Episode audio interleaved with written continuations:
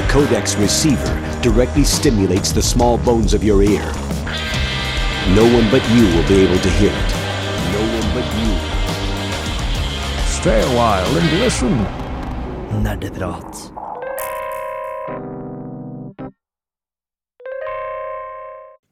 Hei og velkommen til dagens episode av eh, Nerdeprat. Aller før tror jeg at vi har vært så få personer i studio. Eh, Det er bare jeg som er her.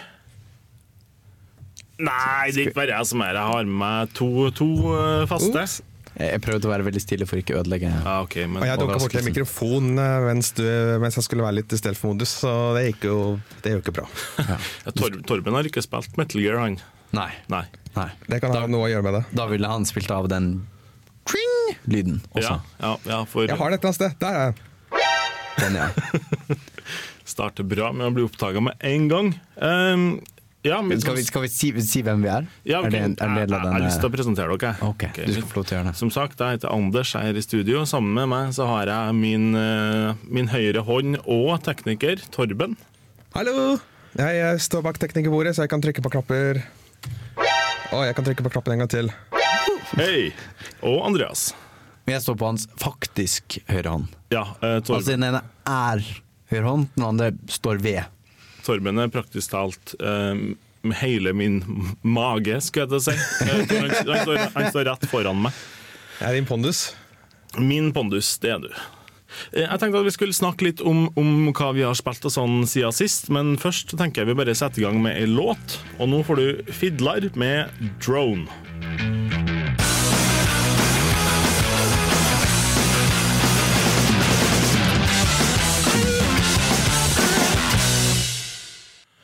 I Wanna Be That Drone, sang Fidlar.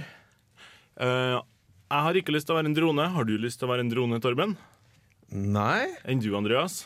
Um, er det liksom å være en sånn uh, Flygende drone? Sånn veps? Eller sånn, sånn Det kan være mye rart. Ja, Men jeg det- tror ikke det. Det ligger en litt sånn assosiasjon til noe vil, uten egen vilje i det. Og egen vilje har jeg, Men, bare men, så du vet det. ja, men la meg bare presisere at det er jeg som er programleder i dag. ok? Så du er på Så en måte er, min ja, det er du- sant. ja. Vi er liksom dronene dine, og du er dronningen. Ja, nettopp. Jeg var jo mint på et spill som heter I Wanna Be The Guy. Ja, Når du men, sa det. Ja, det var det. Altså, det jeg fikk sånn posttraumatisk stressyndrom når jeg hørte deg si I wanna be the drone. Eller I wanna be a drone. I wanna, jeg vet ikke. Ja, men, nå roter vi oss bort igjen. Men Ja. ja, det, er, det er et helt, helt, helt forferdelig Altså et spill som er helt slemt med deg, da. Det, det, det spillet. men har du spilt det den siste vekka nå, Andreas? N ikke det. Nei, for Eh, det siste- tenkte jeg å spørre deg om. Ja, den er du klar? OK. Hva har du spilt den siste uka, Andreas? Uh, oi, det spørsmålet fant jeg ikke. Mm, uh, jeg har spilt Jeg husker bare siden helgen. Jeg husker ikke hva jeg gjorde før helgen. Det er bare blankt. Uh, men uh, på Jo, jeg spilte Spiller fortsatt Borderlands Prince Jacob med Henrik fra Filmofil. Mm, mm. Uh, men så kjøpte jeg The Witcher 3 og tenkte oh, nå skal jeg spille Witcher 3. Jeg skal laste ned Witcher 3. Uh, men det har seg sånn at på Berg studentby, der jeg bor, så er det en eh, 30 gigabyte eh, per 24 timer grense. Ja, OK. uh, og jeg har veldig kjapt internett, fordi vi har kobla rett opp mot universitetet sitt internett. Um, så det går dritfort, men hvis du laster ned med en 30 gigabyte, så blir du låst ute i 48 timer. Er det her noe de har lagt inn noe siden den forrige episoden der dere snakka om piratkopiering og sånn? Nei, jo, ja. Altså, det har nok litt med streaming å gjøre. Fordi for eksempel Spotify har sånn automatisk peer-to-peer-greie. Mm, mm. Eh, og den tar jo på en måte den som har raskest nett, og så ser de oi, her var det liksom 100 megabit, så da bare kjører vi på. Mm. eh, og bruker opp alt eh, Unient sitt nett, så det, de har lagt inn en begrensning der, da. Eh, men det har sånn at The Witcher 3 er 31 gigabyte. Eh, og jeg tenkte liksom ja, ja, jeg bare tråtler det på 1 megabyte sekundet, så går det sikkert fint. Uh, det gikk ikke fint. Uh. Så fra fredag til eh, mandag så hadde ikke jeg internett. Ja, for de er sånn skikkelig strenge Ja, Så det er 48 timer låst ute. Så da har du jo ikke internett.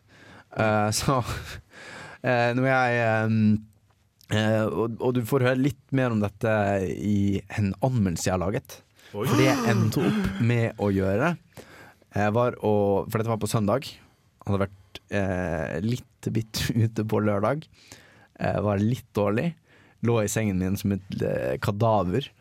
eh, fant mobilen min og eh, spilte Star Wars Uprising. Som er et nytt spill som har kommet ut til eh, mobil. Oi. Eh, men det skal du høre mer om eh, når eh, du får den anmeldelsen. Når den tid kommer. Når den tid kommer. Du får bare smøre deg med tålmodighet. Men det, er, det har jeg endt med å spille ganske mye, da.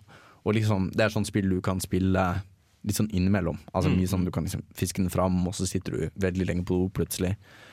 Uh, så det er, det er hovedsakelig det jeg har spilt, da. Og så spiller jeg fortsatt litt Morrowind. men, har, jeg er prøver du, å komme gjennom det. men, men, men er du fortsatt uh, lukka ut fra nettet nå, eller har du fått den Nei, altså det var, uh, det var fredag til søndag. Fordi det forferdelige som skjedde med Witcher 3, var at jeg fikk lastet ned akkurat. Mm. Men det må også gjøre first time setup på Steam. Ja, ja, ja. Og laste ned liksom en to megabytes-fil bare sånn for å liksom noen driver og sånn. Og det fikk jeg jo ikke lastet ned! Så jeg hadde liksom lastet ned 31 gigabyte, men den siste to megabytene det gikk ikke, så jeg fikk ikke spilt det. Så jeg har ikke fått spilt det ennå. Det ligger bare og venter på meg. Jeg har for så vidt kjøpt fordi en sånn typisk Steam-ting, så har jeg kjøpt alle Witcher-spillene fordi det var billig. Fordi det var liksom 280 for Witcher 3, og så var det 300 for alle. Er det så billig nå? Eller var Jeg det vet nå? ikke, det var, det var, Ah, så, det var så billig. Ja, ok. Ikke noe lenger. Ja, ja. Jeg, jeg får vite nyhetene altfor seint, jeg. Men, Ja. men Torben, Ja. eh, hva har du brukt den siste uka på? Jeg fullførte Shanty and the Pirate's Curse, Mm. som vi snakka om sist uke. Og så har jeg spilt uh, Super Mario Maker. Chanty, var, var det den som vi ikke fikk høre noe om musikken på det? Ja, det er det. Ja, vi, vi fikk liksom høre alt bortsett fra denne musikken. Og jeg fortsatt, hva slags musikk var det de spiller? Var det bare stille? Jeg er fortsatt usikker. Altså, Jeg ikke skjønt noen ting der. Og hvis du, hvis du kjære lytter, ikke forstår uh, hva de, uh, mine kjære mednerder uh, spiller på, så brukte jeg altfor mye tid på musikken i den anmeldelsen. Du kan høre den i siste episode. Ja. Vi regner, vi regner med du kan, ikke, du kan ikke begynne på denne episoden. nei. Du må begynne på forrige episode. Det er liksom Gå tilbake, hør den, Nei. og så kom tilbake hit. Du kan begynne hvor du vil, Ja. syns jeg. da Ja, vi, er, vi er tross alt en open world eh, Ja. eh, radioprogram. du, du kan, I tillegg til å begynne i hvilket som helst episode, du kan også begynne i hvilket som helst minutt, faktisk. Mm, mm. Uten å forstå noe som helst. Fordi du forstår Altså, det er ikke det at du forstår mye, du forstår bare like lite. Uansett når du begynner ved å høre på denne podkasten.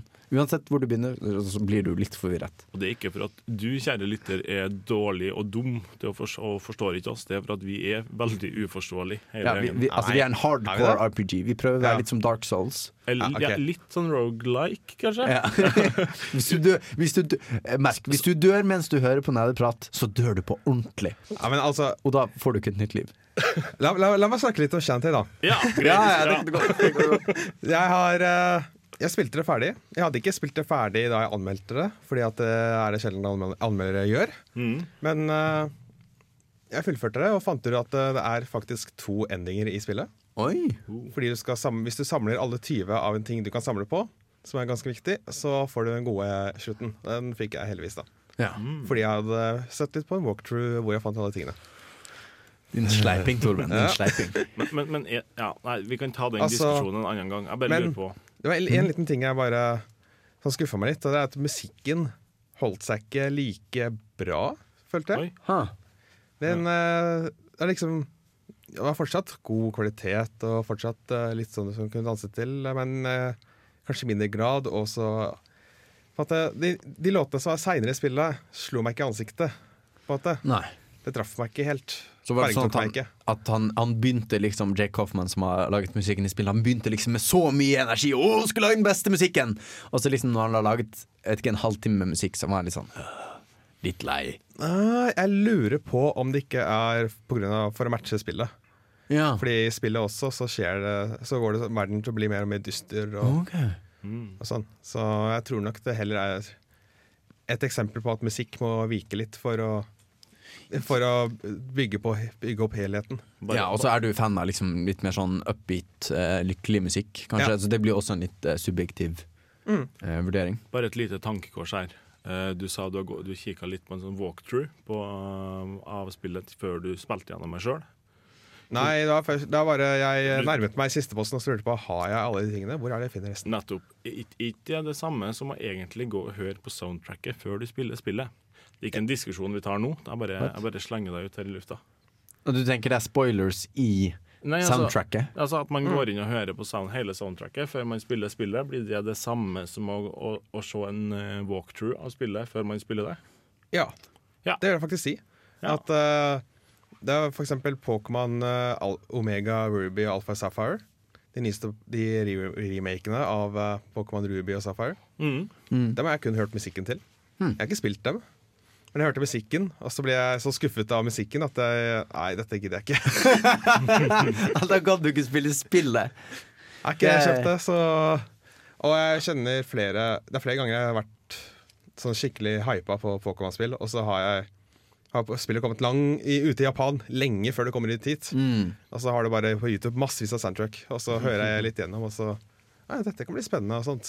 Var det sånn mens du spiller at du da liksom ah, den har jeg hørt, og liksom den Ja. feelingen? For jeg er litt motsatt at spillsoundtrack får liksom mye betydning for meg fordi jeg assosierer de med spillopplevelser.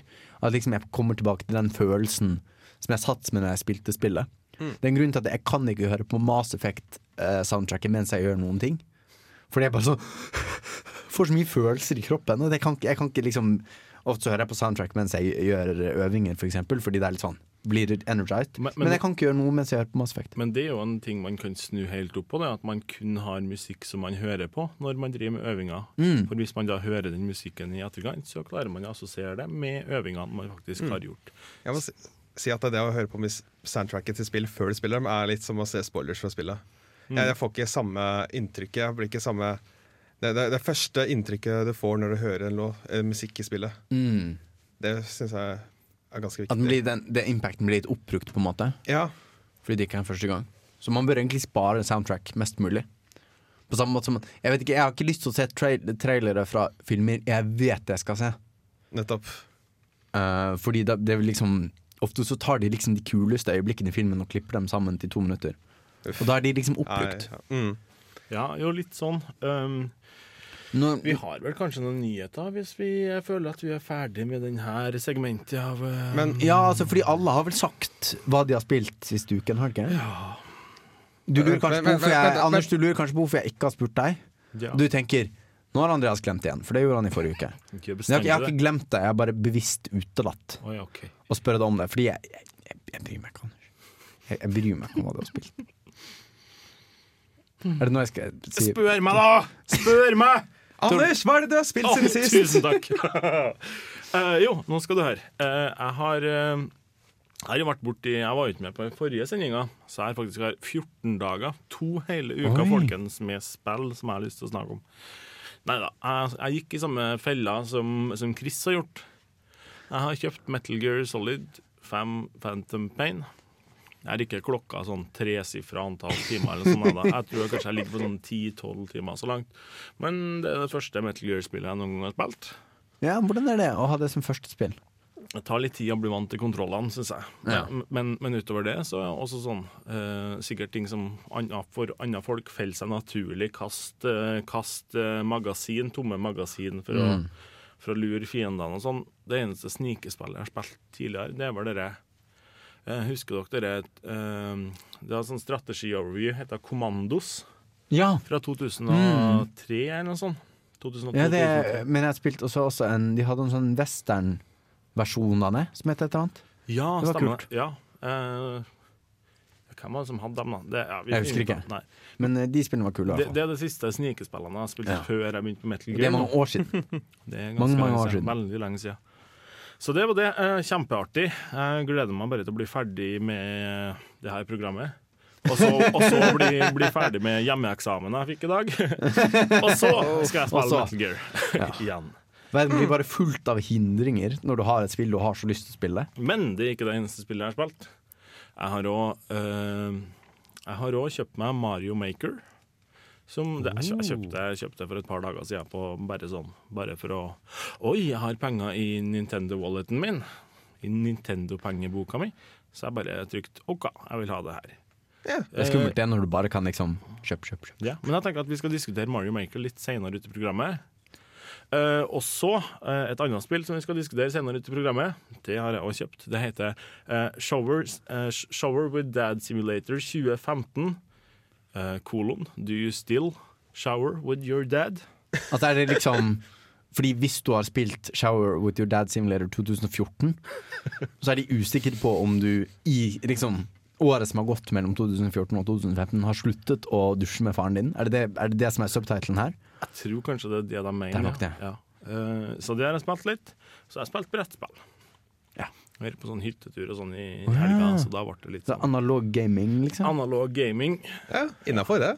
Ja, så jeg har spilt verdens kjipeste spill som jeg ikke kommer på navnet på lenger. Eh, men det var Brettspill? Sånn, ja, et sånt brettspill. Sånn. Gøy for hele familien. Uh, Monopol? nei, altså man, Det er, Monopol er et helt dårligste brettspillet som er laget. Men dere har spilt uh, Cards Against Humanity, sant? Ja, Ja, altså- Det er morsomt. Det er jo, ja, altså sånn En person sitter med et ord, nei, med en setning, et spørsmål. Ja, med sånne blanks i. Altså, ja, ja. Hva liker Andreas Dørum uh, å gjøre når han går til skolen? Spørsmålstegn. Og så kan jeg for eksempel, eh, så sitter andre med hvite kort som de leverer inn. Som på det kortet står det, står det for eksempel eh, Å sparke hjemløse barn. Eller ja. å lete etter frokost i søppeldunken. Altså, nå, nå var det veldig sånn snille alternativer. med. ja, ja. Hellig Og så litt sånn, liksom, og ja. sånne alternativer som traff meg litt nært. Mm. Altså Fordi jeg får mye, mye pepper da for at jeg sparker hjemløse barn. Ja, så, Synes det er ja. litt dårlig gjort av deg å trekke fram det. Men det her var da den snille versjonen av Cards Against Humanity. Vi, Det høres jo Er det ikke hele poenget med Cards Against Humanity? At man men- ler men- av hvor forferdelig det er? Jo, men det her virka som at det var litt samme tanken, bare at det var laga For det, det, var laga for at sånn, ja, du kan spille det her Altså En femåring kan spille det her med Ja, ja. besteforeldrene, til tross for at spillet hadde tolv års aldersgrense. Jeg skjønner ikke hvorfor. Greia da er at alle sammen velger seg én person hver. Som En annen person? Ja, eller, altså en, en kjent En fiksjonell person? En, person? Nei, en karakter. Altså det kan være en kjendis. En person alle sammen som er med å spille, kjenner. Ja. Eller en, ja, en fiksjonell eh, karakter. Så skriver Ja. man ned det, og så trekker man kort, da. Og da er det lett å si at eh, jeg har Donald Duck. Ja. Så, så var det spørsmålet. Hvis, denne, hvis han eller hun var en klokke, hva slags klokke ville han vært da? Et, Donald-klokke, kanskje? Et armbåndsur, en mobilklokke, et bestefarklokke, osv. osv. Eller sånn et, eller et gjøkur. Ja, eller et gjøkur. Sant? Og det var bare sånne ting. da Det var ikke noe som var morsomt i det hele tatt, så vi vurderte å brenne det spillet. Eh, men vi tenkte at kanskje se på et senere tidspunkt så kommer noen som liker det her. Da kan man brenne dem istedenfor. Fordi Godt, de er godt poeng. Godt poeng. så dårlig menneske. Du er litt i sånn uh, fandenivoldsk humør, merket jeg. Av, eh, Ja, jeg vet ikke hva som burde skjedd med meg i dag. Jeg bare kom med dårlige vitser. Og på å si, til forskjell fra andre dager. Det er jo eh, Nei, en men jeg syns, overdrivelse. jeg syns det er helt greit at du holder på sånne. jeg. Eh, I tillegg så spilte jeg et spill som heter Scotland Yard. Som er sånn at man skal fange en fyr som har gått under jorda. Oi, altså Ikke gravd seg ned fysisk, vel? Nei, altså det er en, fyr, en hemmelig agent som har gjemt seg i London. Og så skal alle agentene, andre spillerne, finne han. Og det var, det var, ganske, det var ganske kult. Men hvordan er, det, hvordan er det å spille med For dette var med familien din? Uh, nei, vi var på en sånn Ja, det var jeg og madammen, og så, oh, ja, så søstera mi og kjæresten hennes. Vi var dit, oh, ja. og ja. Så dere var liksom voksne mennesker? Dere burde heller spilt uh, Cards Against Cementer, på en måte. Vi burde egentlig ha gjort det. Apropos voksne mennesker. Jeg vet ikke om han er det, men bandet Reckless Souls skal nå for oss spille låta Firebird, som handler om en voksen fugl som brenner.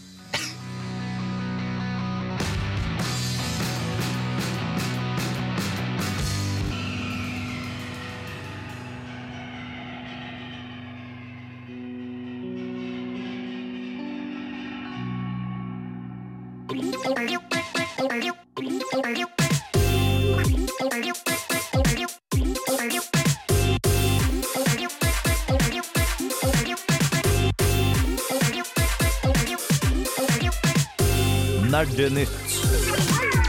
Velkommen! Velkommen til Nerdenytt.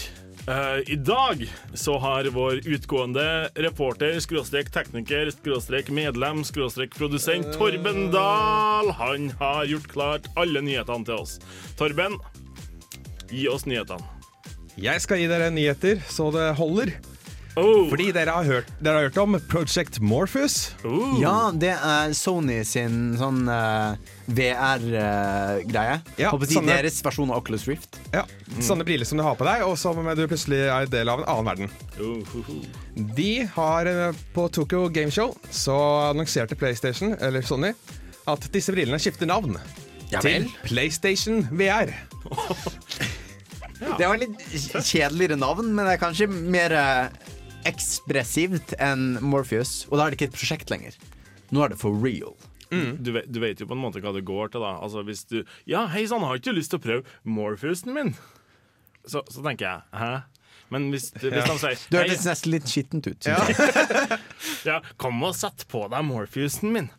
Men, men hvis jeg da har sagt i stedet Kom og sett på deg PlayStation VR-en min, og prøv den. Ikke sant? Da tenker du ja, dette her er faktisk eh, Altså, vi er begge to consenting.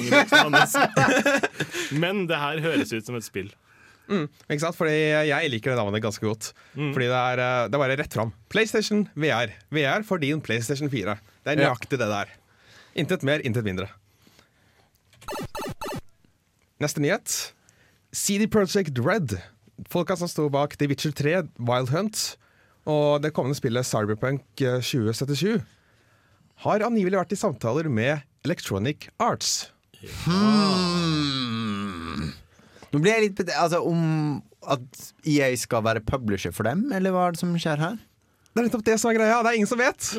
Fordi da denne nyheten først eh, Da det først var en nyhet, så var det en eh, kilde til en eh, nettside, DSO Gaming, en sånn uh, nett, ja, nettavis, som uh, spekulerte i at at det var en fra CD Projekt Red som sa at dette kunne bare være snakk om oppkjøp, fordi at vi har ikke noe spill som er nærme, nærmer seg publisering. Ja, Som var at de kjøper hele studioet, rett og slett. Men CD Projekt Red har seinere gått ut og sagt at nei, vi snakker ikke med noen som helst om å skulle selge CD Projekt Red eller GOG.com. Vi har ikke noen planer om det. Og, og den kilden som det er snakk om, er, må være fake. Det her eh, studioet det er vel utelukka basert i Polen, ikke det? Jo, det stemmer. We do not take money from you, EA Games capitalist dog. Ja, kan det vært noe Men sånt? altså, CD Projekt Red er på mange måter anti-EA. I hvert fall liksom anti-gamle EA, for de har vært veldig sterke på Uh, altså Det er jo de som driver goodoldgames.com. Mm. Ingen DRM. Sant? De, vil ikke ha, de har vært veldig sikre på at de vil ikke gjøre ting som skader forbrukerens verdi av spillet. EA har på en måte sagt seg veldig villig til å skade forbrukerens verdi av spillet. Hvis det gagner dem selv. Det var jo de som var veldig på såkalt online pass. Eh, For en sin, det, jeg føler det har falt litt bort, men det var sånn at første gangen du kjøpte et spill, så fikk du med en kode som du måtte skrive inn for å kunne bruke multiplayer. Sånn at hvis du kjøpte et spill brukt, så kunne du ikke bruke multiplayer-komponenten av det.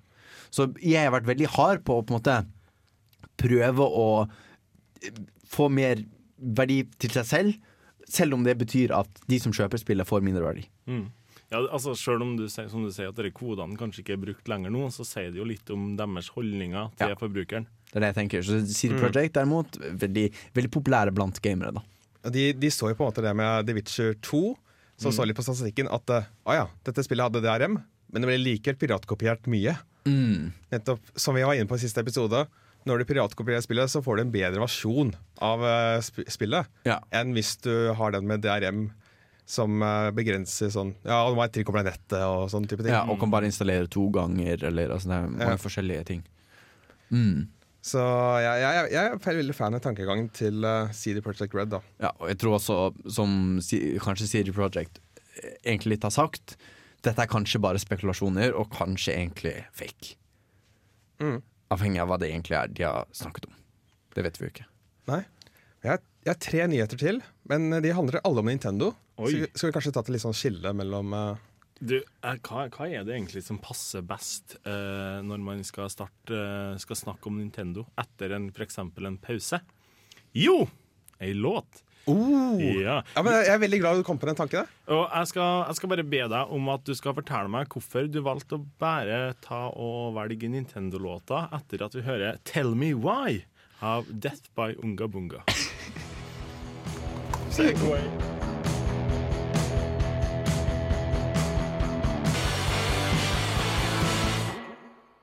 Du fikk Tell Me Why. Eh, siden vi skal over på et Nintendo nyhetssegment her nå, så hadde jeg lyst til å si at uh, bandet heter Death by Gumba Gumba. Men, men de gjør ikke det. Det var Death by Unga Bunga, det her. Og Torben, eh, du, har, du har noen nyheter igjen nå. Nintendo-relaterte nyheter. Ja, aller først så har vi en spillannonsering, faktisk. Uh. Oi! Fordi forestill deg Pokémon-verdenen. At du kan Du er på vei til eh, NTNU, og så går du forbi Studentesamfunnet. Og så får du sånn notifikasjon på eh, telefonen din. Det er en vill Pokémon i området! Og du bare Oi, shit! Svarer fra mobilen, og så ah, Der har vi Pokémon! Prøv å fange den. prøv å fange den Og så er det kanskje andre folk rundt deg som også har fått samme notifikasjon. Og de prøver å fange samme Pokémon? Ja, Ha.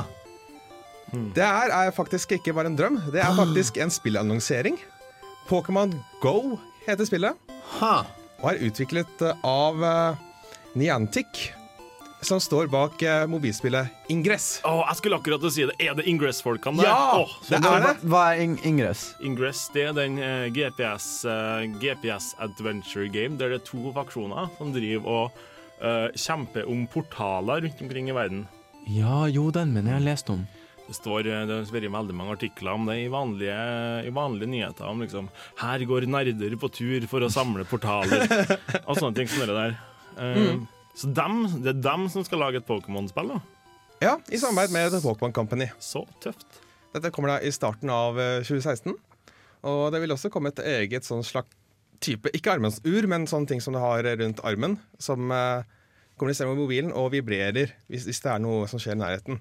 Så slipper du å skulle ha vibrasjon på mobilen og bare åh, nå må jeg opp med mobilen og så sjekke. øh. Kanskje det til og med kommer en smartwatch-app eh, for Pokémon Go.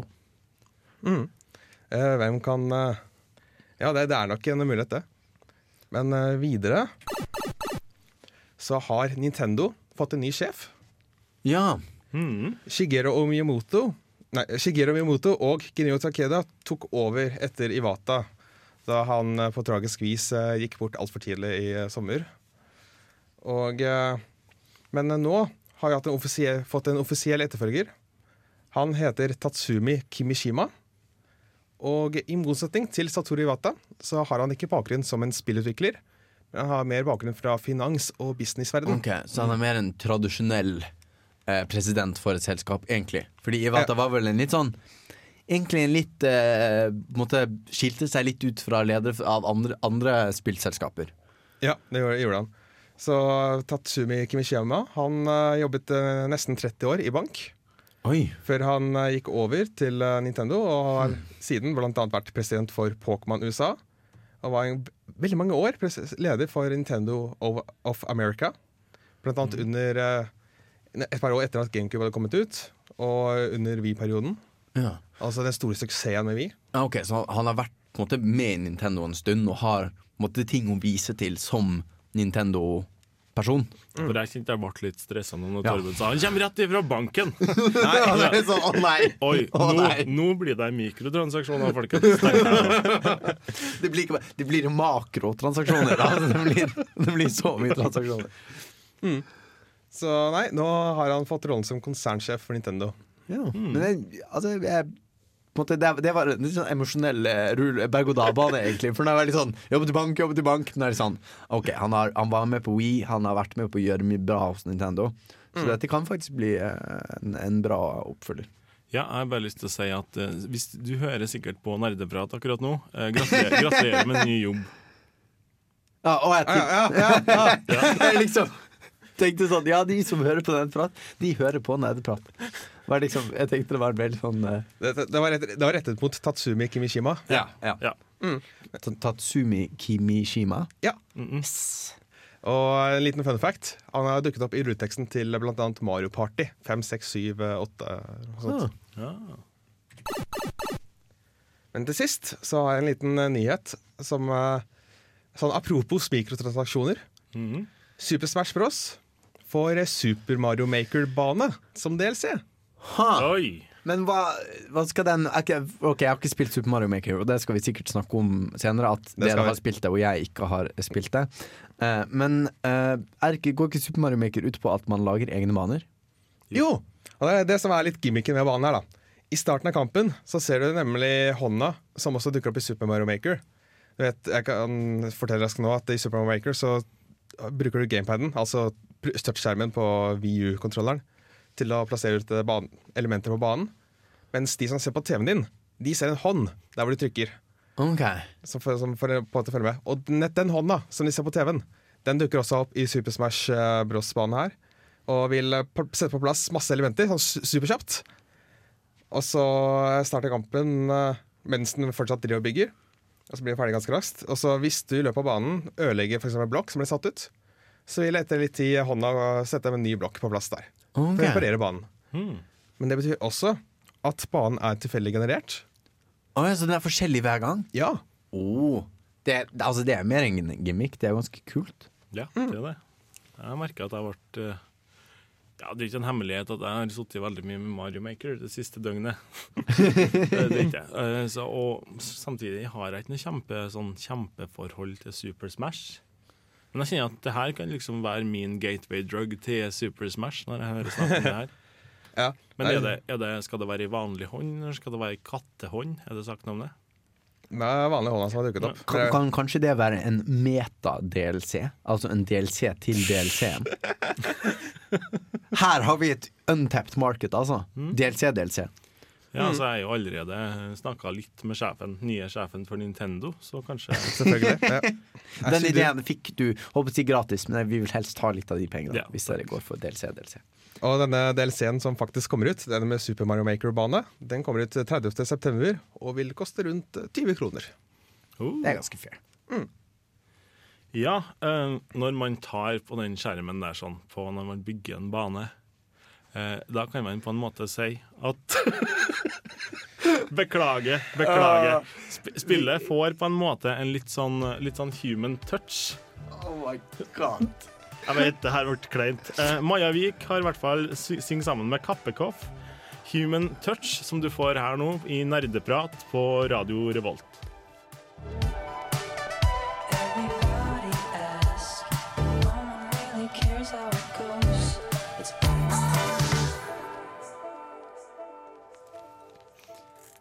Der fikk vi litt mellommenneskelig kontakt av eh, Kappekoff.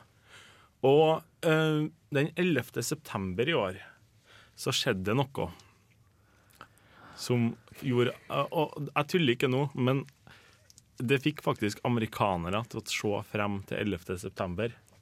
Det, det er ganske godt gjort. Ja, sant. Hva er det jeg tenker på? Jo, jeg tenker på at det var en release. En release fra Nintendo. Vi har nettopp snakka om det. Det var Super Mario Maker som kom. Hva er, Og, hva er Super Mario Maker? Fordi og da, nå er, Dette er en blanding av at jeg stiller spørsmål sånn Ja, litt for ja. lytternes skyld, sant? Men det er også for min egen skyld nå, for jeg, vet, jeg, jeg er ikke Nintendo. Som Torben sa tidligere, så er det han som går over en skjerm. Det er vel egentlig det som har blitt sagt så langt. Det her er en, en veldig kjempefin, intuitiv eh, level generator for, eh, for Mario-spill. Ja. Det er noe, i hvert fall jeg som har vokst opp med Super Mario, har liksom venta på at det her skal komme i 25 år. kjennes det ut som. Det er sånn, wow! Det her har jeg bestandig visst at jeg har uh, hatt lyst til å få. Men uh, det er først nå at det her, mine drømmer har blitt en realitet. Du, du har på en måte eh, Du har en palett. Med, med forskjellige typer blokker. Sant? Sånn spørsmålstegnblokker, mynter, forskjellige fiender. Eh, forskjellige typer bakker. Eh, altså sånn vanlig ground. Mm, men også andre Og så òg litt sånn Ja, dere, dere blokkene du slår, slår sund, dere firkantblokkene der, og så videre og så videre. Og ved hjelp av dette her så skal du bygge en bane som eh, Mario skal gå gjennom. Eh, hele veien så kan du liksom hoppe inn og ut av generatoren og bare Ja. prøve deg fram. Sånn greit, får jeg til dere hopper? Jo, jeg trykker bare test, og så prøver jeg det med en gang for å se om jeg får til dere Mm. Mm. OK, det ble litt for langt det her hoppet så vi tar bare og flytter det litt til venstre. Sånn er Mario Maker. Eh, hvis jeg er fornøyd med et, en bane, så sier jeg yeah, OK, det her var en fin bane. Vi kaller den for eh, Anders Arena versjon 1, og så trykker vi upload. Og så Alle andre som sitter rundt omkring i hele verden og spiller Mario Maker, får muligheten til å eh, prøve min bane. Ja! Å, det er så gøy! Og det er kjempeartig. Eh, underveis her sånn, så kan du velge mellom uh, Altså Du har forskjellige typer skins med forskjellige game mechanics i tillegg. Du kan spille uh, originale Super Mario Brothers fra ny... Yes, der har du det. Super Mario 3. Den er ikke noe lyd, jeg er ikke noe lyd for de andre. Eh, nei. eh, Du, du ga oss høy, veldig hå- høye forhåpninger, Torben. Og så Ja, bare jeg, jeg, jeg, lette, men uh, OK, greit. Super Mario 1 og Super Mario 3 til Nintendo. Super Mario World til Super Nintendo. Og New Super Mario Brothers til Nintendo Wii U. Så du kan på en måte bygge en bane i det ene set- tilesettet. på en måte. Og så bytte over. Ser, og, men likevel så er det forskjellig fysikk og forskjellig sånn du, kan, du kan ikke hoppe på veggen, liksom. Wall jump. Du kan ikke gjøre det i originale Super Mario Brothers. Nei. Men du kan gjøre det i uh, nye Super Mario Brothers. Og i Super Mario 3 så har du sånn, eh, sånn P-fart, som gjør at du springer mye fortere hvis du springer kontinuerlig over en, over en Ja, du halv bane. akselererer raskere og raskere. Ja, du får en sånn mi-lyd i det du springer. Ja. Ja. Så, så alle all de forskjellige typene av spillene her sånn, har jo forskjellige mekanikker som gjør at det blir ganske, ganske unike opplevelser. Samme hvilken bane du spiller, eller hvilket spill du, du bygger det i. Fordi dette er jo noe jeg husker når jeg var liten, at det var veldig vanlig at spill hadde det.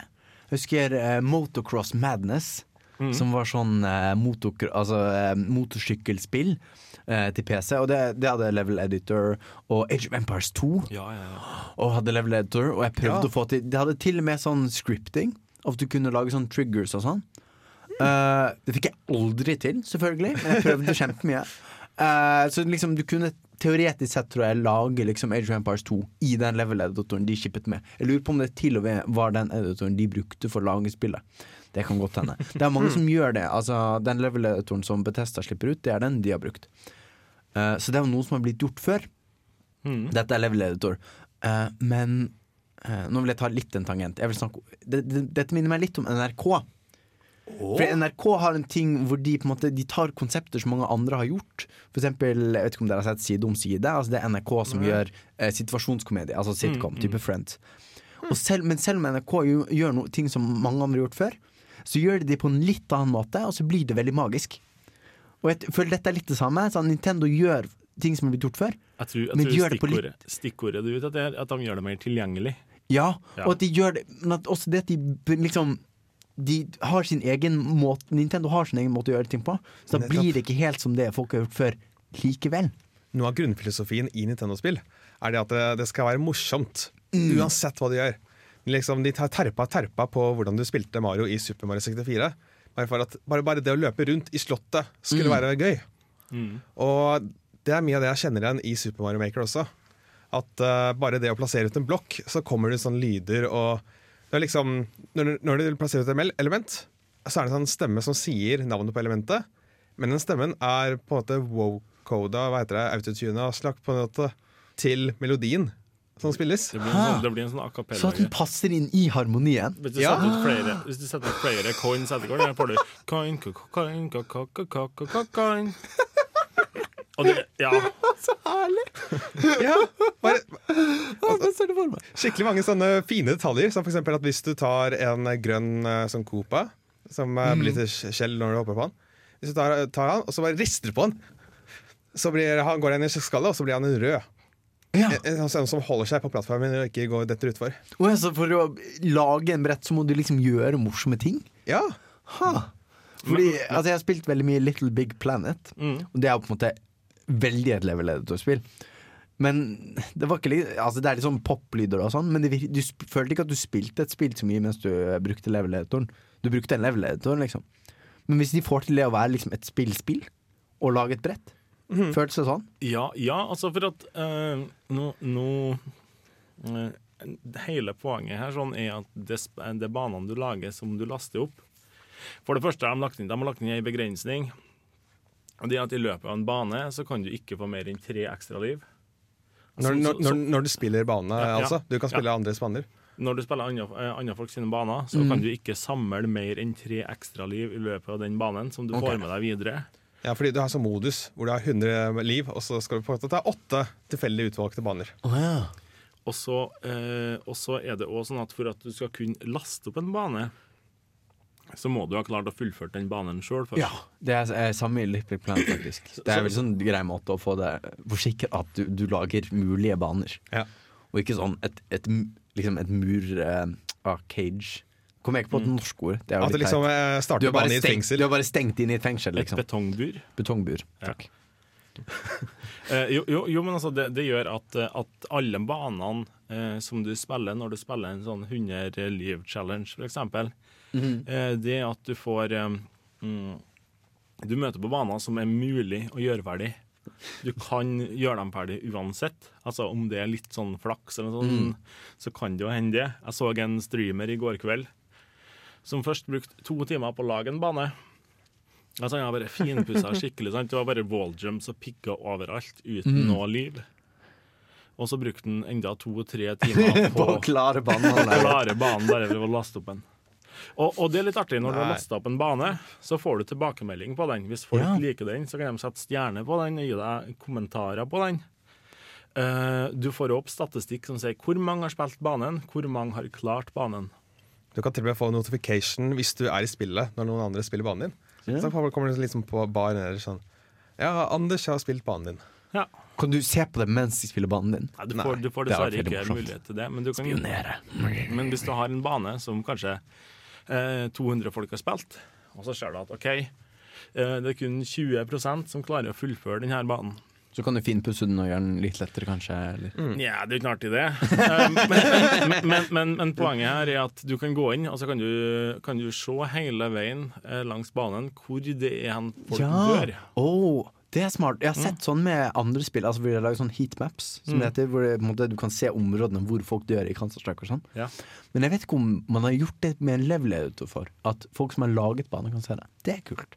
Det er smart. Og når du dør i selv, når du prøver deg på bane, så popper det opp masse sånn dødsmarkører hvor alle andre har dødt også. Ja, så du vet om du er alene eller sammen. Det, det er litt sånn som når du spiller eh, Er det, er det i Super Meatboy, når du har klart en bane, at du ser eh, alle de andre forsøkene før du Der du ikke fikk det til. Jeg har aldri spilt Super Meat Boy, er ikke min type spill. Men, men apropos Super Meatboy, det jeg har tenkt på her, da, det er Ja. at eh, altså, Har du prøvd eh, mange, mange baner eh, de siste par dagene, Torben? Jeg fikk spillet i går, og fra Nintendo, riktignok. Må bare disclaimer der. Og ja, jeg har prøvd en del baner. Men jeg, jeg gikk på topp ti-lista. Mm. Jeg har merket at Det er en sånn trend der om at eh, de banene som får gitt aller flest uh, sånne stjerner, det er de banene hvor du bare trykker bakknappen for å velge banen, og så legger du kontrollen fra deg. Og så bare f- ser du på galskapen utfolde seg. At det er liksom sånn Rube Goldberg-maskin.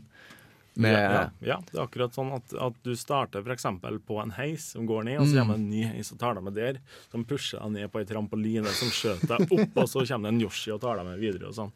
Eneste måten å fullføre de banene på, er å ikke gjøre, trykke på noen ting på kontrolleren. For- For hvis du gjør det, så fucker du opp med timingen på sånn hele brettet Ja, ja, ja. er eh, lagt rundt.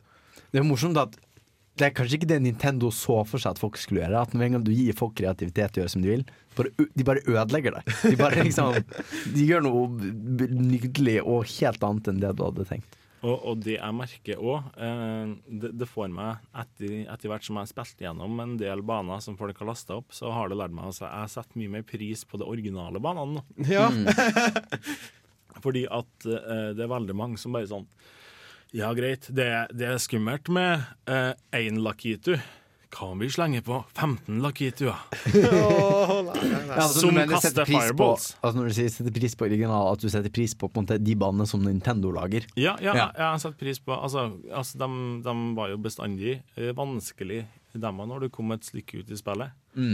Eh, men, men de var vanskelig på en sånn måte at det krevde litt finesse og sånn her. Men, men nå er det litt sånn Spring så fort du kan, hvis ikke så får du en Lakitu som kaster bomber, som skjøt gevær, som skjøt mynter, som skjøt stjerner, som skjøt Altså for at, for at Lakituene kan kaste ut hva som helst. Å ja, så du kan stille inn på Super Mario Maker hva de skal skyte ut? Ja. Noen, Du- kan, du kan få dem til å kaste power-ups, og så kan du få dem til å kaste fiender. Og så kan du få Lakituen til å kaste en Lakitu som kaster en Lakitu. vet jeg ikke går om. det? En Nei. lakitu i en lakitu i en lakitu. We must go deeper. Nei, jeg vet ikke om det er mulig, men, men det er ganske Nei, jeg håper ikke det. Men uh, det, er, det er veldig mye frihet i uh, Super Mario Maker. Du kan uh, liksom, du kan putte hva som helst i en blokk. Du kan putte en fiende i en blokk. Sånn at når du tror at du skal få en power-up, så får du en fiende. Moro. Moro. Jeg, jeg merker det er mye troll-potensial i dette spillet, altså. Det, det er det, men samtidig så er det litt sånn eh, Det er den følelsen av, av, å, av å ta en bane som du føler Jeg tror det er veldig mange som angriper det her spillet med en sånn mentalitet om at hvis jeg lager et, en bane som eh, folk ikke får til, så har jeg gjort jobben min som, som level creator. Det er det som er min jobb, å lage en bane som er så vanskelig at ingen får den til. Men, men jeg tenker at det blir litt feil måte å se det på. Mm.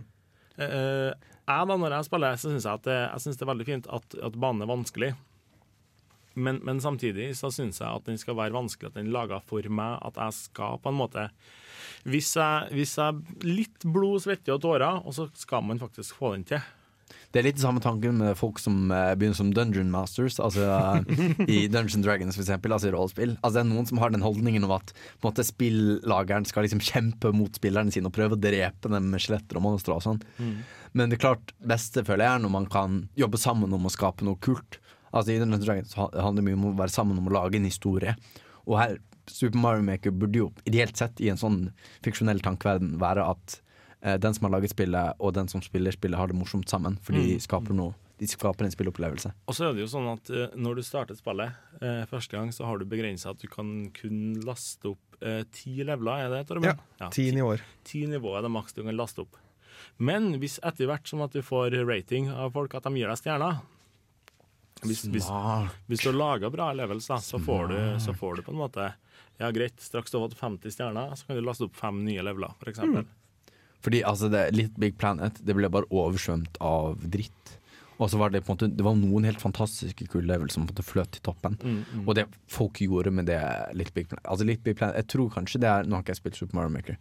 Jeg tror Litt Big Planet på godt og vondt ga deg enormt mye med, Enormt mye frihet. Du kunne lage de sykeste tingene i det spillet, altså. Uh, men det, det ble jo et helt Det ble jo et kaos. Ja, for det er vel lagt inn noen begrensninger. Jeg tror du kan eh, maks legge ut 100 fiender eller noe sånt på en bane. Ja, men det er liksom litt pleit. Du, du kunne lage liksom helt andre typer spill. Det var liksom folk som lagde racingspill inni det var, ja. Jeg har sett uh, Mario Kart-nivåer i uh, Super Mario Maker. Altså, så er det var noen Ja, som laget- det var noen Så man som kan laget- gjøre spennende ting. Det var noen som har laga en Splatoon-greie òg, tror jeg. Ja, for det er, det er ikke noe vi har snakka om, men uh, bare sånn kjapt. Fordi at når du har Amibo, Amiibo, så kan du ta den touche med Amiboen eh, på VU-spillkontrolleren. Og da vil du kunne plassere ut en power-up som eh, gjør at Mario ser ut som den Amiboen. Oh, gøy. Kult. Så da kan du f.eks. spille et nivå som eh, den eh, squid-tingen. eh, Fra Splatoon. Ja. Og, og man sier at det gjelder kun når du skaper nivåene. Så du kan eh, spille det nivået hvor du blir til en eh, squid, uansett om du har den Amiboen eller ikke.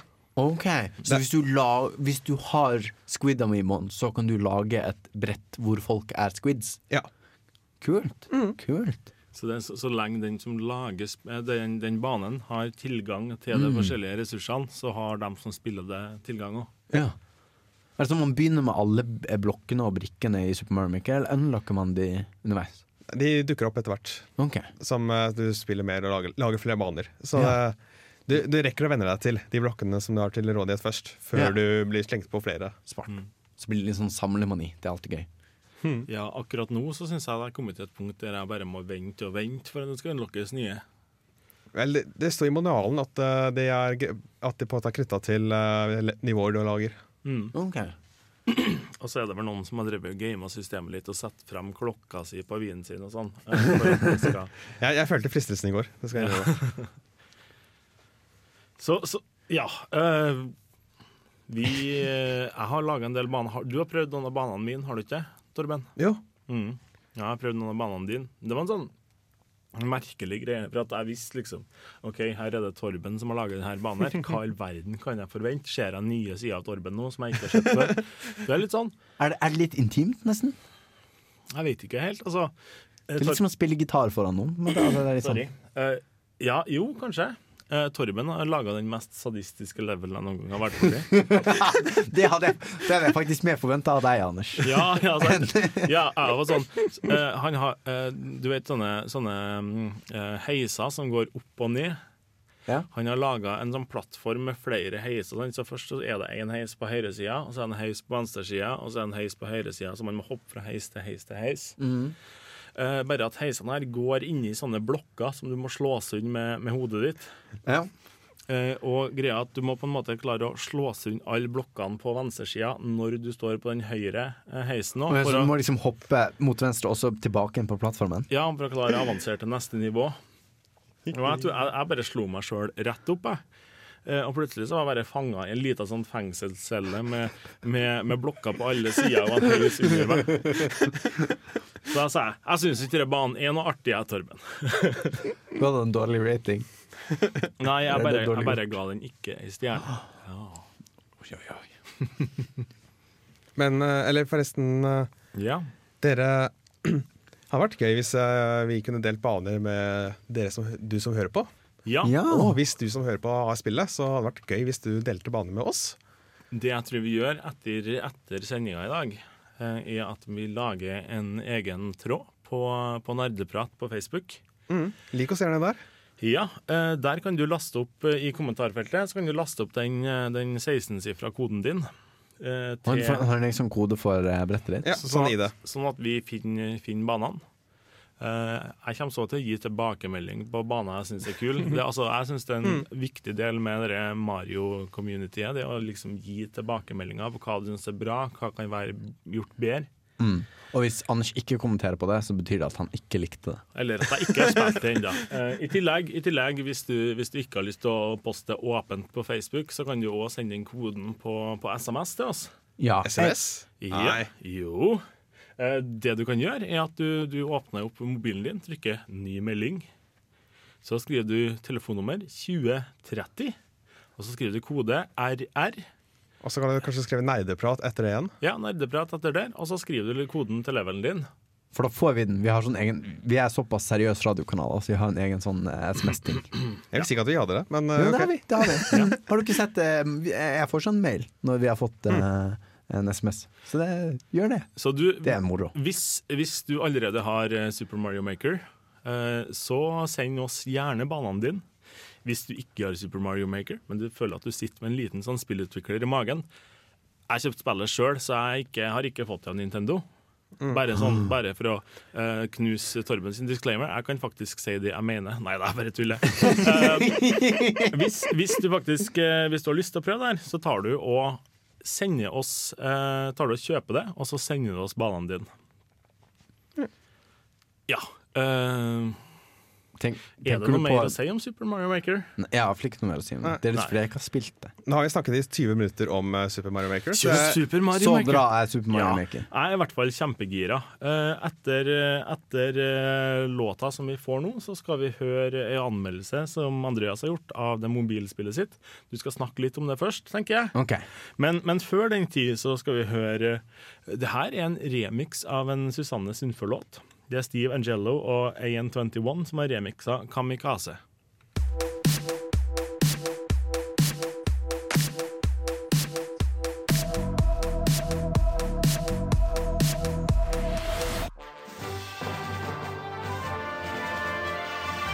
Du hører på Nerdeprat på Radio Revolt. Du er på Nerdeprat. Jeg har spilt eh, Star Wars Uprising. Eh, det er et mobilspill fra eh, Kabam Studios. Mm. Og de har sammen med Disney Studios laget et, et spill som foregår mellom den sjette Star Wars-filmen, Return to Jedi, og den nye Star Wars-filmen som skal komme senere i år. Så dette er liksom eh, de, de, de unngår å være en del av pre-sequelen, og det er, leder til den nye filmen. Ja, så det er på en måte en sånn Hva har skjedd, hva har skjedd mellom som har brakt oss dit vi er i uh, spill 7? Uh, Uprising handler om, så det er liksom rebellen, videreføringen av rebellene, fordi imperiet er ikke helt borte. Uh, så nå uh, skal du få en historie fra eh, lenge, lenge, eh, langt borte for lenge, lenge siden. Altså eh, Berg studentby eh, sist søndag.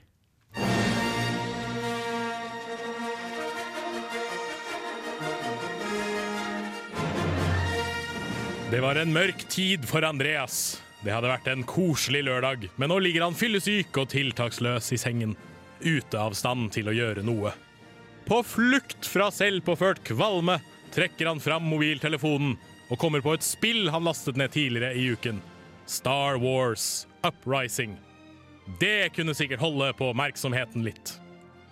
Spillet er gøy nok det, men hvert øyeblikk vil sikkert lykken snu. Gratisspillet vil vise sitt sanne ansikt. Snart må han betale ekte penger for å komme videre. Ja, sier utviklerne. Ja, la irritasjonen flyte gjennom deg, slik at du betaler for kromium.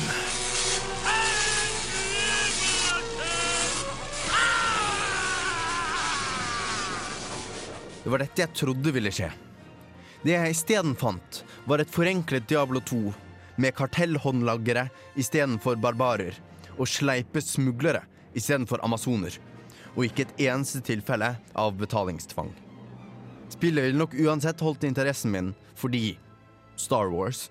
Men potensialet for en MMO Light på mobil med klaner, venner og sosial flerspiller gjør dette faktisk interessant. Today the Empire is victorious. Rebellion no longer a threat. Det er litt absurd, egentlig. Der ligger jeg i sengen min, to meter fra en kraftig datamaskin med 27 tommer og 970 GTX. Men jeg spiller hele dagen på denne 5,5-tommers-saken som nærmer seg 70 grader i hendene. Uprising er et spill som trekker deg inn om du ønsker det. Det er oppdrag å gjøre, stormtroopers å plaffe ned, den kontinuerlige kampen mot det galaktiske imperiet. Du rekrutterer et mannskap som du trener opp og sender ut på oppdrag. Og ikke minst er det masse utstyr å samle på.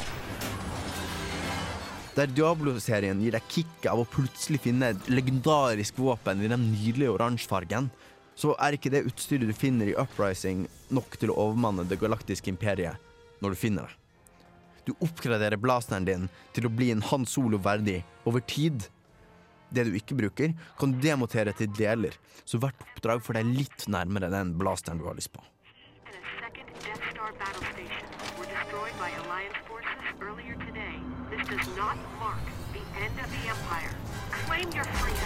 Alltid litt nærmere. Samlemani. Kister som åpner seg som en vakker blomst for å vise nydelig, nydelig plyndrergods. Uprising er den perfekte storm av dopamin. Det er oppriktig talt et Skinnerbox-helvete. Av etiske grunner må jeg legge ved denne advarselen. Det kan gå deg riktig ille. Fordi spillet har en historie. Og tanken er vel at jeg skal bygge opp til filmen som kommer senere i år, men det er ikke derfor at jeg finner fram mobilen min hver gang jeg har ti minutter til overs. Jeg finner fram mobilen min for å se disse framdriftslinjene som gradvis, gradvis blir fulle. Og det er så jævlig, jævlig tilfredsstillende. Andreas, Det var heftig musikk. Ja, hvor er den kom fra? Ja, tekniker. Uh, la meg ta det. Du får, du får snakke med han teknikeren, uh, uh, Torben. ja. eh, nei, men Andreas, eh, du, du sier her nå at du bare, du bare sitter og venter og venter og venter. og venter. Venter? Ja, du sa det. Venter. På Progress. Ja, altså, venter og venter. Altså, du får mest progress når du gjør missions. Ja. Men poenget er at altså, jeg, jeg gjør missions fordi jeg har lyst til å se disse progress-barene gå opp. Og liksom XP-ding og altså, Alt har XP i dette spillet. Våpnene dine er XP, rustningen din er XP, eh, crewmemberne dine har XP, du har XP. Det er så mange bars. Ok, jeg, jeg tenkte det var litt sånn timegate. Det her er litt Nei, sånn som i nei. Online. Nei. Det, det, er, det er et viktig poeng. At det er ingen, det er ingen time gates, og det er ingen sånn energy. Det er ikke noe snakk om at måte, nå må du vente i en time før du får lov til å spille mer. Um, det er noe av det som på en måte har gitt meg imponert meg med dette spillet. At det eneste, altså du, har en, du har to typer penger, som i mange sånne spill. Sant? Du har credit, som er vanlige penger, som du bruker til litt av hvert. Og så har du chromium, som er liksom the premium currency. Men det eneste du bruker den til, er å kjøpe mer plass i ryggsekken din. eh, og til å ehm, Du kan kjøpe bonuspakker med Ja. det. Men eh, for det første så må du ikke kjøpe sånne bonuspakker, det går helt fint. Og for det andre så Uh, har jeg på en måte tjent masse sånn Chromium uten å betale for det. Altså Du får det av å gjøre uh, ulike Altså Hver gang du maksleveler et uh, item, en, en utstyr, så får du, får du Chromium. Så du har andre måter enn å betale og få sånne premium currency på det. For, Så det er ikke noe venting. for, for ofte så er det jo sånn eh, altså, eh, Ofte så er det sånn at du kan betale 7 kroner for å spare deg sjøl for åtte timers arbeid. Ja. Men det er ikke sånn i dette spillet. Nei. Nei. Nei. Altså, arbeid og arbeid Altså, du kan som sagt, du kan kjøpe utstyr istedenfor å liksom finne det. Men liksom det er bare for å ikke spille spillet. Det er ikke sånn at den, du kan betale deg ut av den kjipe delen av spillet. Du, på en måte, du kan få utstyr nå hvis du gidder å vente, men, men det du unngår, det er å faktisk spille spillet. Mm. Så de, de har ikke noe insentiv til å designe spillet til å være det kjedelig. Nei. Og det er det, det er det jeg er på en måte imponert over med spillet. At det har ikke vært noen sånn uh, kjipe free to play-ting. Det er på en måte, det er, ikke for å si at det på en måte er et problem, eh, spill helt uten feil, men det er på en måte ikke direkte fiendtlig mot tiden din, da, på samme Nei. måte som mange sånn free to play-spill er. Det er liksom en, et faktisk bra spill. Altså, det, det har mange, veldig mange sammenligninger med Diablo, og det er, ikke, liksom, det er jo ikke like bra som Diablo 2. Eh, jeg har litt andre standarder på mobilspill. Altså, jeg er litt sånn det, er, det, det, det er ikke så mye bra på den mobilen ennå. Nei, men lista er kanskje lagt enda lavere for å bli imponert? Er det det Ja, du mener? det er det jeg Ja. mener. Listen er ganske lav for, for å være et skikkelig bra mobilspill. Og dette, er liksom et, dette har vært et bra PC-spill. Det er liksom noe av det beste jeg har spilt på mobil, egentlig. For jeg tenker at Hvis det er såpass bra, så er det kanskje verdt å betale litt som penger eh, til eh, utviklerne. Ja, ja, altså, hadde-. Eh, det har vært liksom, ja, det hadde kult, men det er veldig mye å, å betale for det. Jeg bare trenger ikke betale. Altså, fordi eh, jeg har, jeg har spart meg opp 800 Chromium. Sant? Jeg vet ikke hva jeg skal bruke det på. Jeg har liksom masse plass i ryggsekken min. Jeg trenger ikke, jeg trenger ikke bruke penger på å spille. Så det er litt sånn, det er litt sånn fin avveksling fra mange andre spill, hvor sånn, du får en litt sånn halvkjip opplevelse hvis du ikke betaler. Det, det Men eh, jeg, jeg vet ikke helt om jeg liker den, det der med at spillene på en måte blir billigere. At du liksom blir vant til at Å, veldig bra spill, og så bra at det var gratis! Jeg tenkte ikke bruke noe penger på det, liksom. Ja, det kan du si. Det jo, uh, gjør at det er veldig lett for meg å anbefale det, fordi du kan Mm. liksom Du har ikke tapt noe hvis, hvis du ikke liker det. Og altså uh, Det kan være litt repetitive gameplay. Altså Du slåss på en måte mot mer eller mindre de samme fiendene ganske mange ganger. Mm. Uh, så det kan bli litt kjipt, og hvis du ikke liker det, så ja, da liker du ikke, og så trenger du ikke spille det. Men da har du ikke tapt noe, fordi det er gratis. Ofte i mobilspill føler jeg at, eh, at eh, lista er lagt veldig lavt for å starte med spillet, sant? Mm. For at du på en måte skal bli litt sånn litt hekta, litt redd dopamin-greia du snakker Ja, ja, om. Eh, Men hvor lang tid følte du at du måtte holde på å spille det før du faktisk spilte sjølve spillet? Altså Var det en lang tutorial eller eh, sånne ting? Ja, litt. Altså, du kan si fra ca. level 10 så er du liksom helt i gang. Altså, du Mm. unlocker litt features litt sånn fortløpende, men du får liksom Hovedfeaturen, skyte stormtroopers i ansiktet, den kommer ganske med en gang. Og det Det er er det som er morsomt. ja, men det er litt sånn Litt av grunnen til at du gjør det, er ikke bare for å liksom hindre deg å spille ordentlig spillet, men det er, bare, det er, veldig, det er ganske mye i dette spillet. Det er ganske mange features. Mm. Altså det er liksom Du har dette eh, crewet ditt som du sender på missions. Du har eh, eh, fraksjoner som du kan gjøre oppdrag for, og så kan du tjene sånn reputation med de for ting. Uh, altså du gjør oppdrag på forskjellige planeter, og du har utstyr som er på forskjellige planeter. Altså det, det, er, det er ganske mye i spillet, da.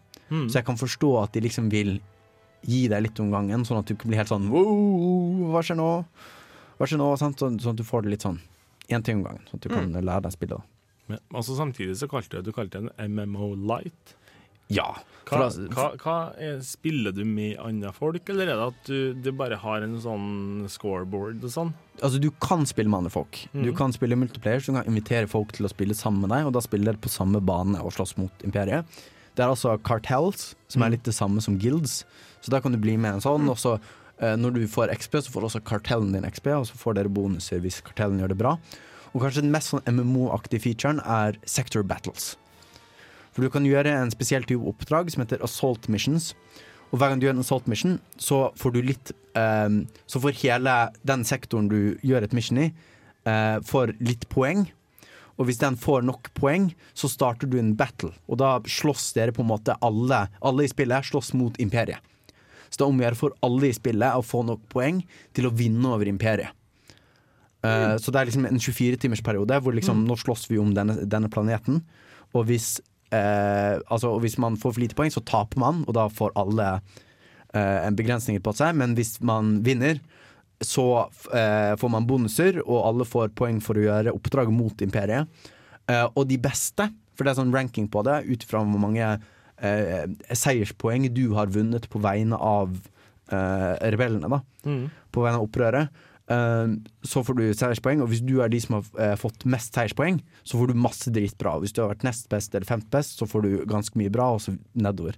Så det er liksom en sånn litt sånn dere jobber sammen, men det er også litt sånn intern konkurranse om å gjøre det best. da Bare et sånn kort spørsmål her på, Ja. på tampen. Er det eh, Føler du at det er mange som spiller der? For at ofte så kan det hende Altså ofte når jeg spiller mobilspill, så føler jeg at jeg liksom har oversikt over 200 andre folk på en sånn scoreboard. Men jeg har ikke noe begrep om hvor mange det er som faktisk sitter og spiller det akkurat nå. Mange, mange mange tusen spillere. Ja. Altså Jeg eh, tjente sånn et par tusen seierspoeng. Jeg, liksom, jeg spilte ganske mye på søndag. Sant? Eh, mange mange timer Men jeg var liksom på 16 000 plass. Oi, eh, på, på seierspoeng. Så det er, det, er- det er for foreløpig er det ganske mange som spiller, og det er ganske mange kartells og sånn, så det er eh, potensial for sosialt, da. Mm. Kanskje til og med noen jeg kjenner spiller det. Det hadde vært ekstra gøy. Uh. eh, å spille med noen du kjenner. Ja. Eh, men sånn, altså ja, det, Jeg vil bare si på tampen, det er litt sånn knotete av og til å spille på en mobiltelefon. Det er liksom ikke en kontroller. Så, så kanskje du syns det er irriterende og repetitivt, men altså det er free to play, sant? Prøv det. Jeg anbefaler det virkelig. Altså, Med mindre du på en måte Og- Og det koster null kroner i AppStore. Null kroner, Ah. bare last den ned. Sant? Prøv det, sjekk det ut. Uh, hvis du tenker dette er bare dopaminshit, det kan jeg skjønne at du synes, så, så trenger du ikke spille mer. Men, eh, men jeg, jeg, jeg har det ganske morsomt med det. Og det var på Android og uh, iPhone. Ja, Både Android og iPhone. Ikke til Windows Phone. Du er usikker? Nei, mest sannsynlig ikke. Mest sannsynlig ikke. Men, Altså, men folkens, jeg ble litt sånn i Star Wars-grooven nå, så jeg har litt lyst på en stjernekrigslåt. ja, det, dette er faktisk en stjernekrigslåt som jeg har funnet. Eh, dette er fra Republic Commando, som er et av de, jeg vil si, et av de beste Star Wars-spillene.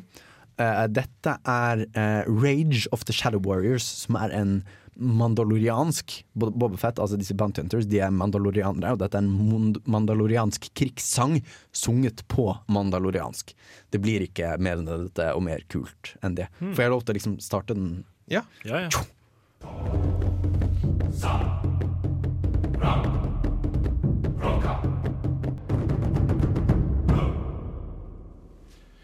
Ja, da fikk vi en uh, mandar... Mandaloriansk. Mandaloriansk krigssang. Rage of the Shadow Warriors. det er så badass. Altså, wow. Ja, og fra én kriger til en annen kriger. uh, jeg har litt lyst til å snakke om Shower with uh, Your Dad Simulator 2015. Apropos krigere, eller? Do you still shower with your dad? Jeg var ikke ferdig med å si tittelen. Ja. Jeg har spilt det ganske mye i det siste nå. Ja. Og, og og da er liksom mitt første Kan jeg stille Jeg spørsmål? bare, jeg bare sier det, nå, for, okay. ok. for Ja, kan du si, kan du se, uh, si tittelen en gang til? Shower with your dad simulator 2015. Do you still shower with your dad? Og da er spørsmålet mitt til deg. Mm. Hva er dette spillet for noe? Fordi jeg ser, Simulators er ofte ganske selvforklarende. Mm. Train simulator, du kjører et tog. Eh, eh, flight simulator, du flyr. SimCity. Du lager en by og styrer Ja. den. Ja. Eh, OK. Shower with, gjør- shower with your dad simulator 2015. Do you still shower with your dad? Er på en måte ikke så veldig mye en simulator som det er en sånn, um, sånn actionspill der du kun bruker tastene på tastaturet.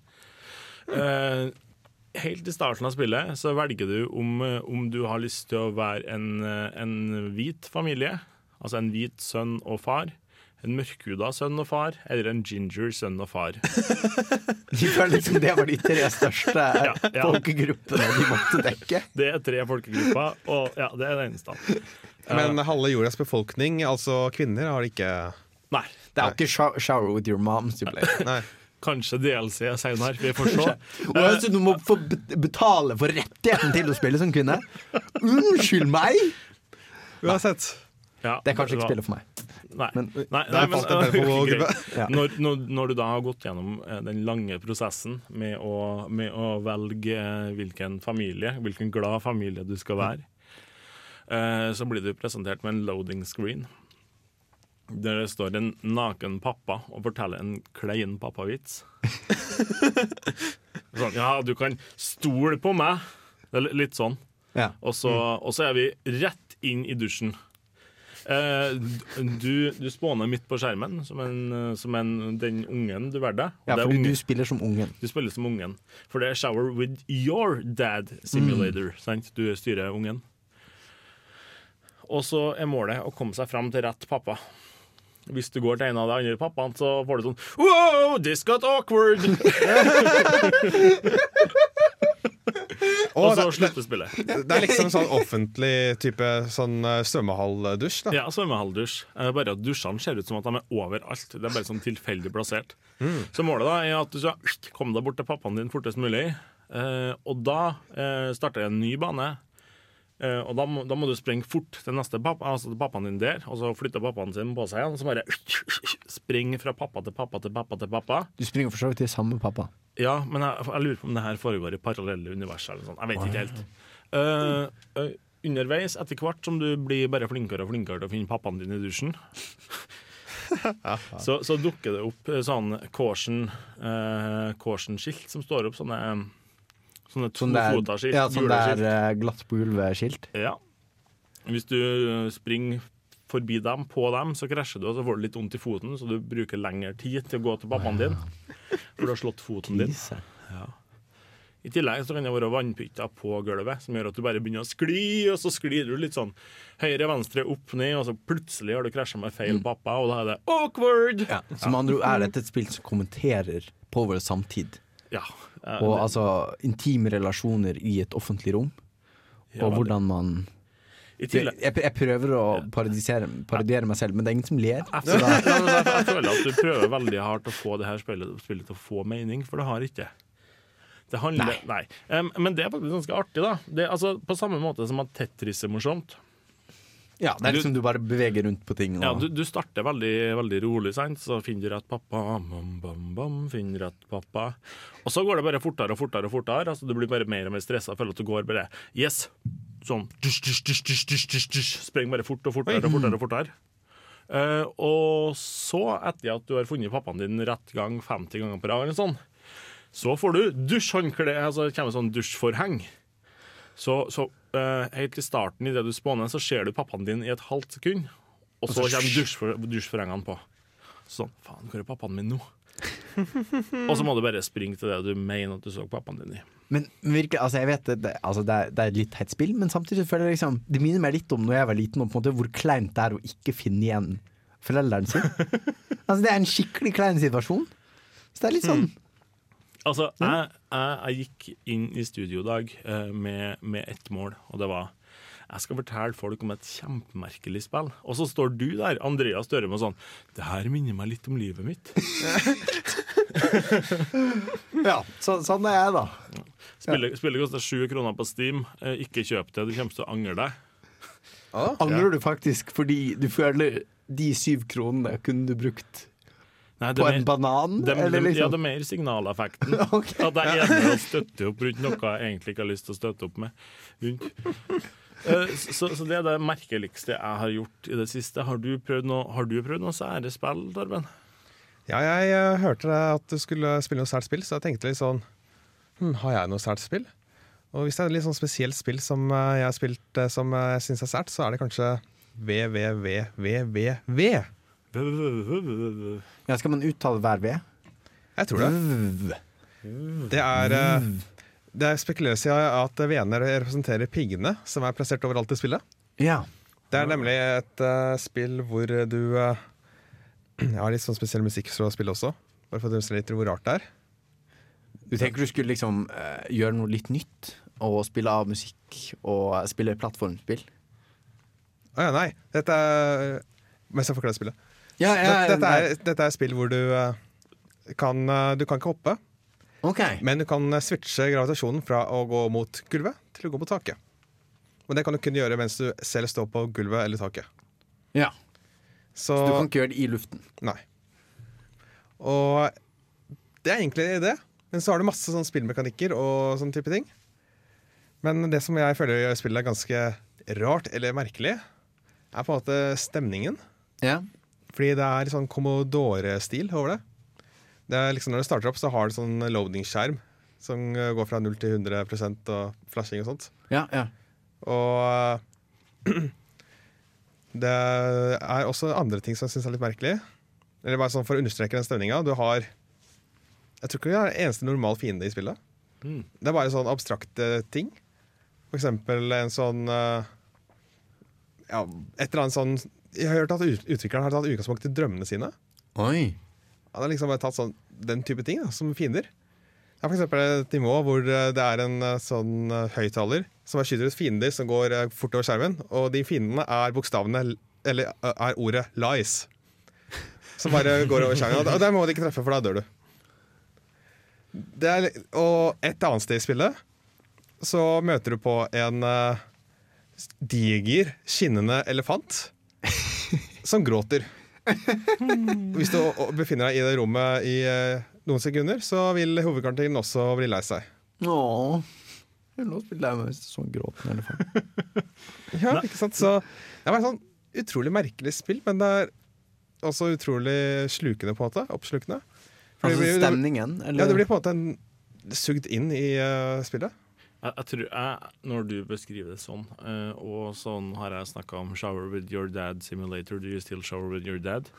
Uh, så får jeg følelsen av at det her er egentlig ganske vanlige spill. Mm. Altså Spillmekanisk sett så er de, mm. de, de bare tar helt vanlige ting.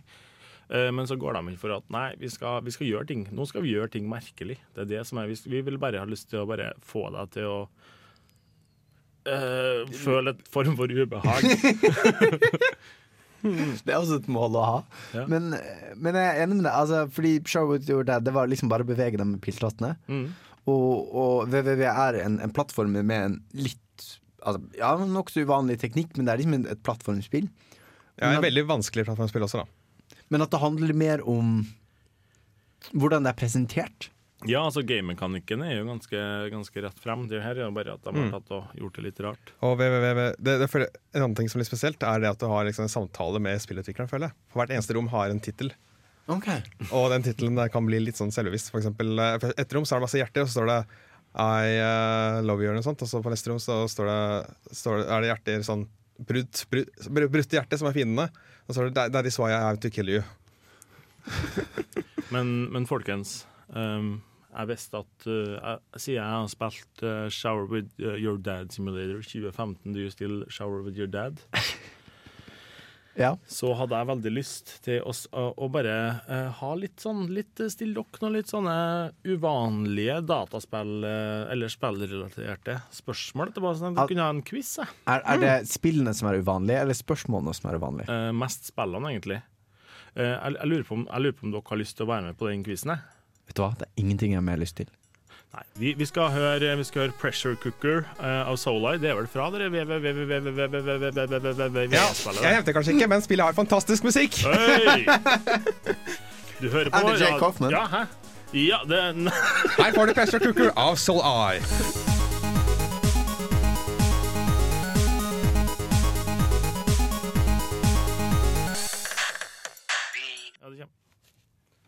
Nei, det kom ingenting der, så oh. Ja, folkens, er dere klar for spillquiz? Um, eh, nei. Uh. La meg trykke på play-knappen.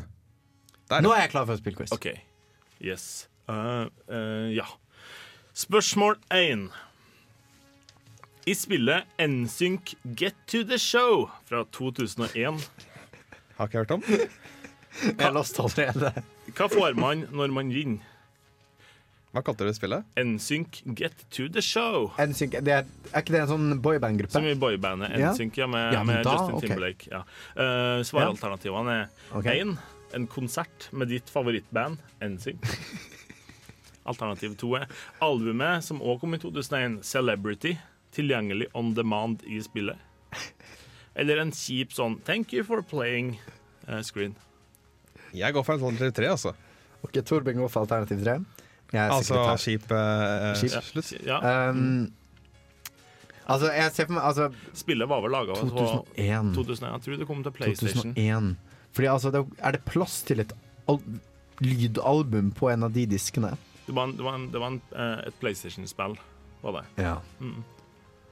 Jeg tror nesten jeg, jeg tror faktisk ikke det er en konsert med NSYNC. Jeg går for alternativ 1. jeg. Alternativ 1, greit. Da hopper vi til spørsmål okay, vi, får, vi får ikke vite hva som er riktig. Nei, vi, vi, vi finner ut hvem som vant på slutten. Okay. Spørsmål to. Hmm. I Cool Aid Man-spillet eh, fra 1983 Saftspillet, såkalt. Ja, eh, hva var hovedgimmicken? Alternativ 1 å sparke seg gjennom vegger. Alternativ 2 å drikke fra et basseng som også fungerte som din health pool. Eller alternativ 3 å knuse isbiter og fikse rett blandingsforhold. Oh my god, alle tre er teite nok til å være den faktiske gimmicken. Det er gode svaralternativer til koke Anders. Men jeg tror jeg går for alternativ 1, fordi Kool-Aid-mannen er jo han som sparker ned vegger. Oh, yeah! Oh yeah! Så jeg går for alternativ 1. Da føler jeg at jeg bare kan Det er tegn nummer tre. Det er hvor du skal lage Kool-Aid. Ja. Spørsmål 3. I spillet fra 1993, McDonald, eh, McDonald's Treasure Island Adventure, så spiller du som vår favorittklovn. Hva er det Altså, hva, han, han uh, Ronald McDonald. Oh, ja. Hva, hva er det du gjør i spillet? Kaster du burgere på fiendene dine? Eh, banker du grønnsaker og pingviner til de gir deg skattekart? Eller samler du mynter og unngår de slemme tomatene som prøver å sprute ketsjup på deg? Du er veldig god på Du burde bli sånn spilldesigner av sånne spill. Fordi alle disse er jævlig solide features i et sånt spill. Altså. Jeg husker det Kellogg-spillet. Det var dritbra. Um, jeg, jeg Nei, jeg vet ikke. Hva tror du, Torben? Jeg, nå har jeg tatt bare svart alle tre på spørsmål én og to. Jeg tror jeg fortsetter Jeg går med tomater som prøver å sprute ketsjup på Og Var det, nummer to var pingviner, og nummer én var Kast burgere på fiendene. Jeg går for, jeg går for svaralternativ én. Vi hopper videre til spørsmål fire. I det her Sims-lignende En Sims-like uh, i det her-. I det, i det her Sims-lignende spillet fra 2005 skal du drive business og sørge for at dine forhold balanserer med ditt yrkesliv. Hva heter spillet? Svaralternativ 1 er Playboy The Mansion. Svaralternativ 2 er Walt Disney The Early Years Platinum Edition. Og alternativ 3 er Donald Trump Empire Simulator. Hva var spørsmålet? Eh, Det er et Sims-lignende spill fra 2005 der du skal balansere, eh, der du skal balansere yrke og, og um, altså dine eh, mellommenneskelige forhold. Kan, får jeg lov til å gå for svar alternativ én en gang til? Playboy The Mansion. Playboy the Mansion. Jeg går for Playboy the Mansion. Jeg går for eh, Donald Trump, jeg. Donald Det er Trump sånn alternativ. Hæ, er, det Det er svaralternativ tre. Ah, ja!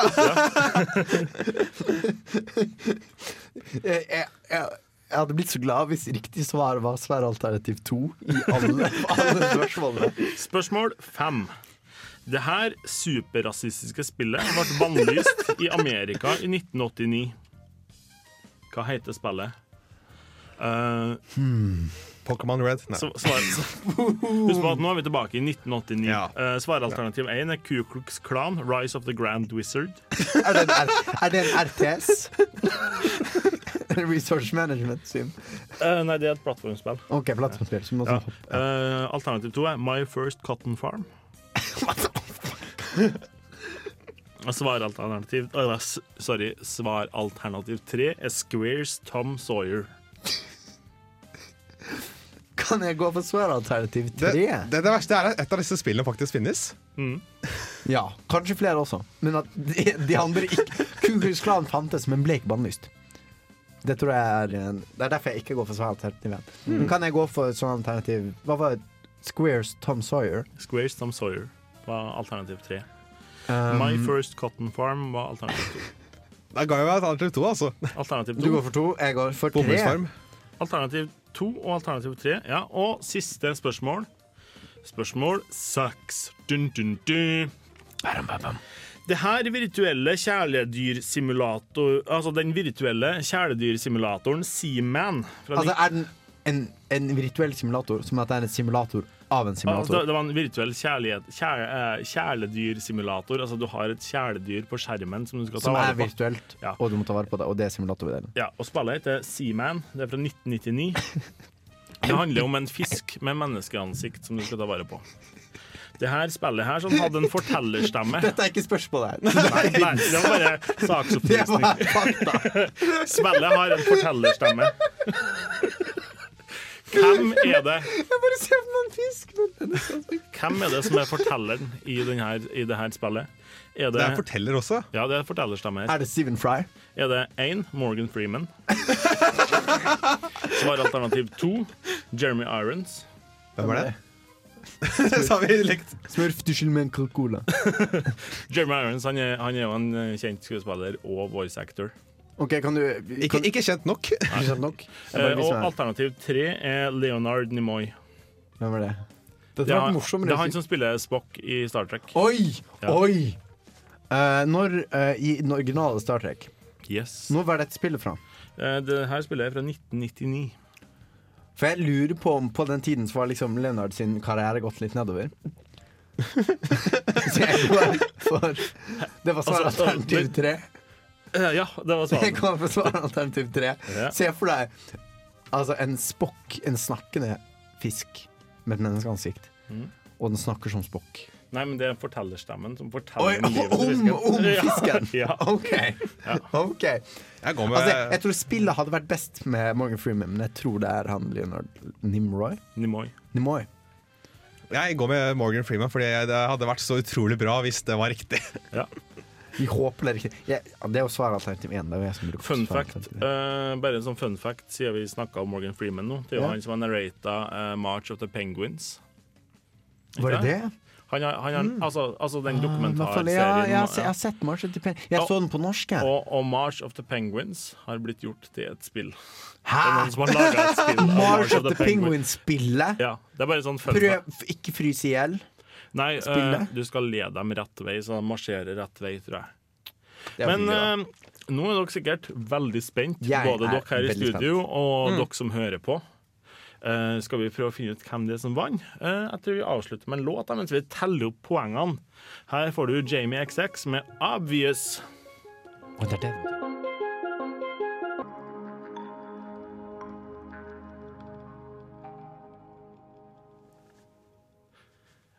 Ja, velkommen tilbake. Nå har vi gjort en lang og grundig premieopptelling her. Eh, nei, poengopptelling heter det. Ja, og vi er raskere enn norske skatt, stat til å telle. Og kirkevalget. Ja, og i hvert fall raskere enn kirkevalget. Ja.